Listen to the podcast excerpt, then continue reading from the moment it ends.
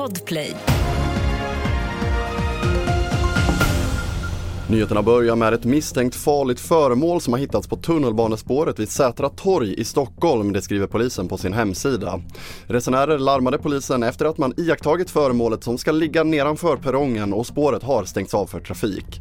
Nationellt bombskydd kallas till tunnelbanestationen för att kontrollera föremålet och enligt Aftonbladet ska det röra sig om en handgranat och uppgifter säger till tidningen att tunnelbanestationen utryms.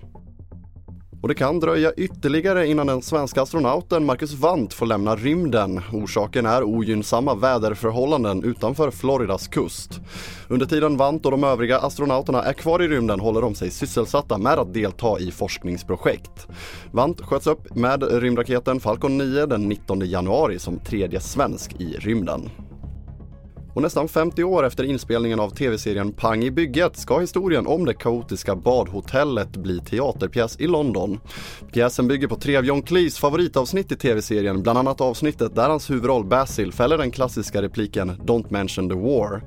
John Cleese kommer dock inte medverka i pjäsen utan rollen som Basil spelas istället av skådespelaren Adam Jackson Smith, känd från sjukhusdramat Casualty.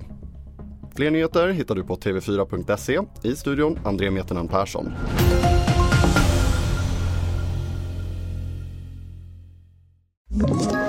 Ett poddtips från Podplay.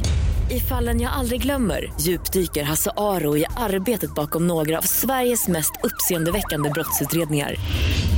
Går vi in med hemlig telefonavlyssning och, och då upplever vi att vi får en total förändring av hans beteende. Vad är det som händer nu? Vem är det som läcker? Och så säger han att jag är kriminell, jag har varit kriminell i hela mitt liv men att mörda ett barn, där går min gräns. Nya säsongen av Fallen jag aldrig glömmer på Podplay.